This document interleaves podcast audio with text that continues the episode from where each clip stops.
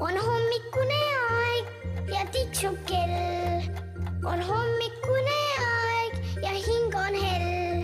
küll on kurb, kui ärkama pea, küll tahaks magada veel.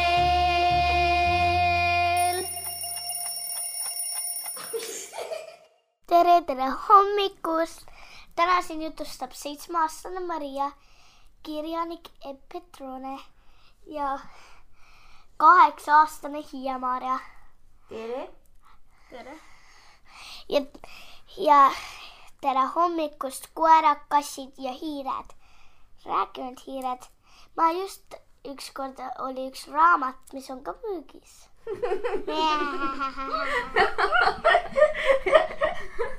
Maria siin eh, tahtis teile alustada hommikujuttu ja tahtis eh, viia juttu sellele, et meil tuli välja uus raamat, meie kodu kirjutatud, minu ja Maria. mis raamat on siis? räägi nüüd edasi ja. kiire hiir. kiire hiir. sellega saab õppida no Lugema. ja lugema. ennast. olete hiiri näinud? jaa. jah, ma arvan küll. olete hiiri kartnud? ei, ei. teate, et osad inimesed kardavad hiiri? tean. kas teate, et osad kassid kardavad hiiri? ei tea. aa, selline lugu on ka. tegelikult meie kass Kurru Nurru, temast on ka raamat Kurru Nurru vurrud ja see räägib just sellest, kuidas me võtsime Kurru Nurru ja tema pigem natukene kartis hiiri, kuigi me võtsime ta selleks, et ta hakkaks meil püüdma hiiri. aga me ei teadnud, et kasside varjupaigast võetud kassid ei oska tegelikult hiiri püüda, kui nad on lapsest peale seal elanud, sest keegi ei ole neid õpetanud. onju kas nad juua saavad? juua saavad, süüa saavad, aga ei saa õpetust. aga tasapisi õppis Kurru Nurru ka. sel aastal maal õppis ta hiiri püüdma, kuigi ta on juba päris vana mutt. üksteist aastat. kas te mõtlete vahel, mida see tähendab hiiri püüdma? jaa. mis see tähendab? Meil on teine raamat ka ju, hiir püksis. jaa. aga mida see tähendab hiirele? et kass sööb ta ära.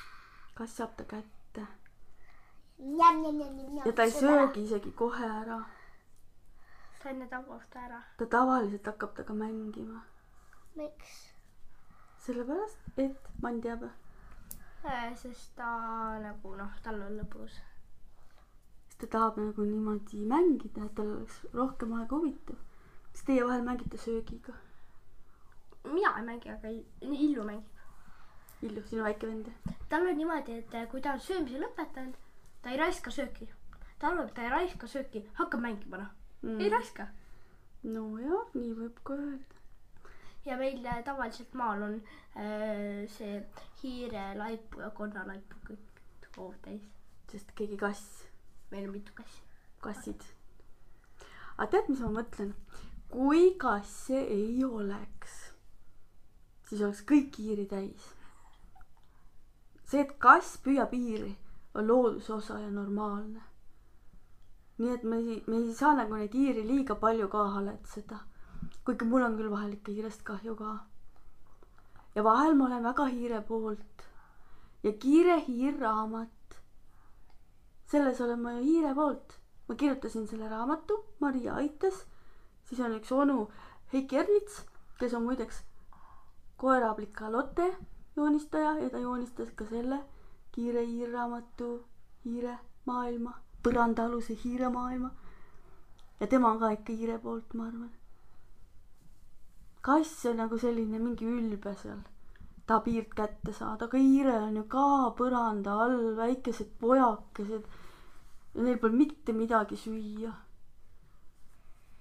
tegelikult see ei ole ju aus, kui mõtlema hakata, et inimesed peavad hamstreid, ostavad hamstritele toitu poest ja samal ajal väikesed tublid hiired, kes ise saavad hakkama oma jõududega, nad on nagu sellised põrandaalused, sellised väga tublid kujud ja siis inimesed tahavad neid ära hävitada. On ju nagu kuidagi imelik, nagu inimesed ei tahaks. et me nagu ei hooliks hiirtest. mina tegelikult südames hoolin, aga samas ma ikkagi saan nagu aru, et kassid peavad hiiri püüdma. jah, on ju kummaline. aga hiirpüksist räägime rohkem. hea küll, ühesõnaga Kiire hiirraamat on see uus raamat, kus saab õppida lugema ja kus juhtub see, et väikestele hiirepoegadele pole midagi süüa ja siis läheb hiir juustujahile ja kohtub seal kassiga ja on kaval. Nii, aga- ära praegu loe mulle, ma räägin nüüd sellest, mis sa tahtsid. et mis siis juhtub, kui juhtub nii, et ei lähe hiirel nii hästi. kass saab ta kätte ja siis on selline lugu, et kass hakkab temaga mängima, eks ole. ja vahel juhtub päris imelikke asju, ma arvan, Mann sa ei tea seda lugu. Ja see räägibki nüüd minu raamatust, mille nimi on Hiir püksis. või sa juba tead seda lugu? see juhtus minuga siis, kui ma olin umbes kümneaastane. juba tead seda lugu või? ma olen seda vist juba väga paljudele lastele rääkinud ja ma olen seda ka väga paljudele isadele ja emadele rääkinud ja siis nemad on seda oma lastele rääkinud. hästi rääkis. räägi sa, okei okay,, ma tahaks kuulata, kuidas sina seda lugu tead. kuidas oli hiir minu püksis? et eh, sa hommikul no panid ähm, selgariided ja siis hiir puges sinna sisse ja siis sa mõtlesid, et midagi sügeleb. aa, okei päris nii ei olnud. oota, ma räägin, kuidas tegelikult oli. tegelikult mul olid juba riided seljas. okei okay,, no see on õige onju, aga kuidas see täpselt juhtus, oli see, et minu kass Massa püüdis hiire ja ta tuli hiirega uhkustama, hiir oli veel elus ja ta tuli hiirega mängima otse meie juurde kööki. ja siis mina kükitasin ja see oli, sel ajal olid veel koolivormis eelikud ja mul oli selline nagu selline lai voldiline koolivormi seelik, kui mina kümneaastane olin. kas sul sügavpüks olid? olid sukapüksid ka, see oli, see oli ikka selline sügisene või talvine aeg, sest hiired tavaliselt siis tulevadki. ja noh, see oli kooliaeg. ja, ja siis äh, ma kükitasin, hakkasin vaatama, kuidas Massa hiirega mängib. see oli, et hiir jooksis, Massa püüdis ta kinni. Hiir jooksis ja Massa jäi lolli näoga vaatama.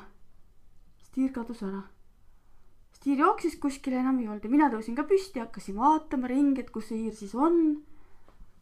ei olnud kuskil seda hiirt ja vaat siis puges see hiir. hiir oli jooksnud minu seelikuvoltide vahele ja siis ta seal kusagil võib-olla nagu kiikus seal, hoidis kinni oma, oota mitme küünega siis, kahekümne küünega. Kahekümne küünega hoidis kinni sealt oma nelja jalakesega ja siis kiiga-kiiga ja siis vaatas, et mis siin toimub, ta ei saanud kohe arugi, mis toimub. ja siis mina läksin, ütlesin, et pole rohkem aega jamada, kassil kadus hiir ära, mis parata. ja hakkasin minema kooli, võtsin koolikoti, läksin koolibussi peale oota, sul oli koolibusse ka või? ja juba sel ajal olid koolibussid olemas ja, ja, ja ütlesin oma õele, ma mäletan seal koolibussis ja õde ka mäletab.